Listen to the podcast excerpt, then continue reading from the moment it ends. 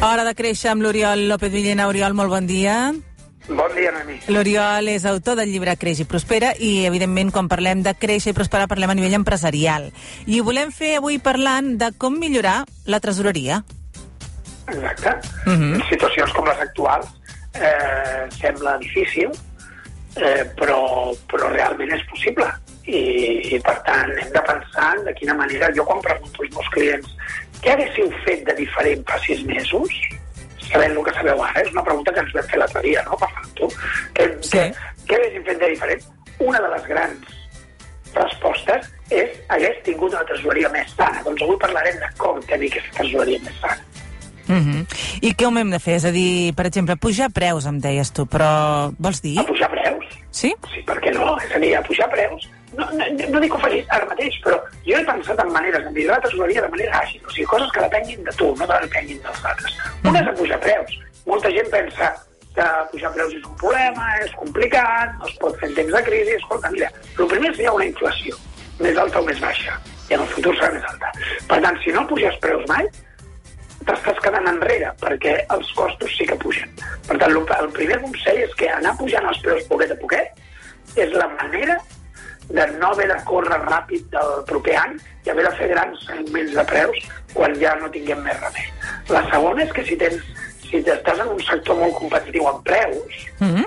d'acord? És a dir, un lloc molt ple de gent, un lloc una, molt ple d'empreses, i per tant on, on és molt difícil diferenciar-se, has de buscar aquesta diferenciació, ja sigui a través d'un bon producte, a través del producte o a través d'un millor servei d'atenció al client, perquè si no acabaràs fent una carrera cap, al, cap a la part de baix, no? És a dir, aniràs competint en preus i posant uns preus cada cop més baixos. Per tant, la primera manera de millorar la tresoreria, encara que sembli un contrasentit en èpoques actuals, és a pujar els teus preus, o com a mínim estudiar-los. La segona seria vendre més. Vendre més, Òbviament, clar. òbviament. Això ho volem Com tots. podem vendre en situacions com les actuals? Doncs ho hem dit durant aquestes setmanes. Eh, bàsicament és posar-se en contacte amb clients actuals, passats i futurs. Trucar-los, què tal, com esteu? Pensar en noves maneres d'afegir valor.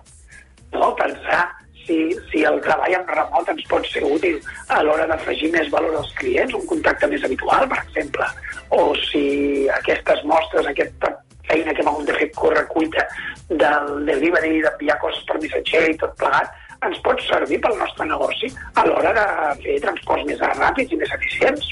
Uh -huh. Per tant, vendre més és això, és crear, és crear producte i és contactar amb el client de manera proactiva, és a dir, trucar al client, trucar al client, trucar al client, no per oferir-li venda, per oferir-li ajut, res més que ajut. Amb això ja faríem. I després eh, facturar ràpid, suposo, també.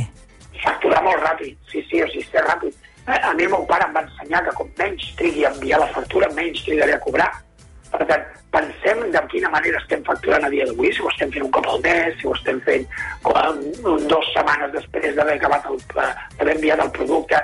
Mirem bé el procés, perquè moltes vegades es pot guanyar molta tresoreria amb petits estalvis de temps, és a dir, dies. Si en lloc d'enviar la factura eh, els divendres envies els dilluns,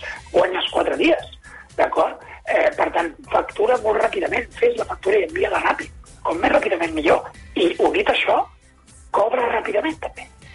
Clar. Eh, D'acord? És a dir, intenta cobrar de manera molt àgil.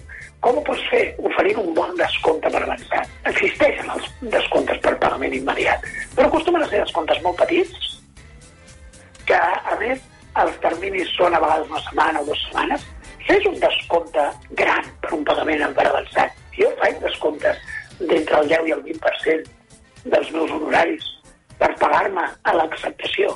I en el meu sector tothom es pensa que és molt difícil cobrar per avançat. Jo cobro anys sencers per avançats. Perquè, perquè el descompte és molt atractiu. Per tant, cobra per avançat i els diners els tindràs tu al banc. Què més? Què més? Pactes terminis de pagament més llarg, dir, parla amb proveïdors i, i pacta a partir d'ara, pacta terminis de pagament més llargs. O, és a dir, més, ja sé que hi ha uns límits. O 60 dies, això, doncs, para, aprofita aquests límits. Uh -huh. D'acord? Aprofita els límits que tens i aprofita eh, el teu poder de negociació davant de certs proveïdors, no de tots, perquè els proveïdors que són estratègics per a tu és important que els tinguis molt ben cuidats. I el que és evident és que no hem de tenir por, hem de perdre aquest pànic i hem de començar a parlar en positiu ja. Que és el que parlàvem fa unes setmanes. La, la sisena manera podria, podria ser reduir costos. L'altre dia parlàvem no, de reduir costos Sí, sí. amb eficàcia, és a dir, buscant ser més competitius. És a dir, estem en la situació que estem i quan a mi em diu que quan tornem a la normalitat, tu ja saps que jo ho diu, aquesta expressió, perquè la normalitat és incerta. Ja estem a la normalitat, Sí, sí. ja hi érem. Per tant, hem de dirigir el negoci normal com dirigiríem el negoci en, qualsevol, en un altre moment. Simplement que ara mateix anem més de baixada, altres moments anem més de pujada. Per tant, eh, crec que en lloc d'estar en pànic mirant l'abisme sense saber què fer, el que hem de fer és moure'ns. D'acord? Si no estàs a gust i no tens pànic i no vols actuar, escolta, tanca. Clar, sí, sí. D'acord? Tanca. Però, però si vols jugar, eh, doncs surt a la pista i juga. Sí, sí. I, i jugar vol dir prendre decisions, que a vegades encertaràs, a vegades no. Però el que jo diria és que per millorar la tresoreria, per exemple, un el que ha de fer és gestionar normal quines eines necessita per millorar la tresoreria en el dia a dia, normalment. Doncs pues aquestes que hem dit. Uh -huh. eh, I això és igual que estiguem en una situació de crisi o una situació que no ho estiguem, perquè en realitat són eines que tu has de poder utilitzar en tots els casos. Si sempre que hi ha crisi haguéssim de baixar els nostres preus, no arribaríem mai a pujar-los, Clar. inflació se'ns menjaria. Per tant, pensem en una situació normal i pensem en fer feliç el banc, per tenir una tresoreria sana, d'acord, i que el banc ens agradi deixar-nos diners si cal, però sobretot pensem en tenir una tresoreria sana per nosaltres i per la nostra família. Sí, senyor. Doncs eh, pensarem en futur i en positiu, que això és el que ens cal ara. Uh, Oriol, que tinguis molt bona setmana. Igualment, que vagi molt bé. Adéu-siau.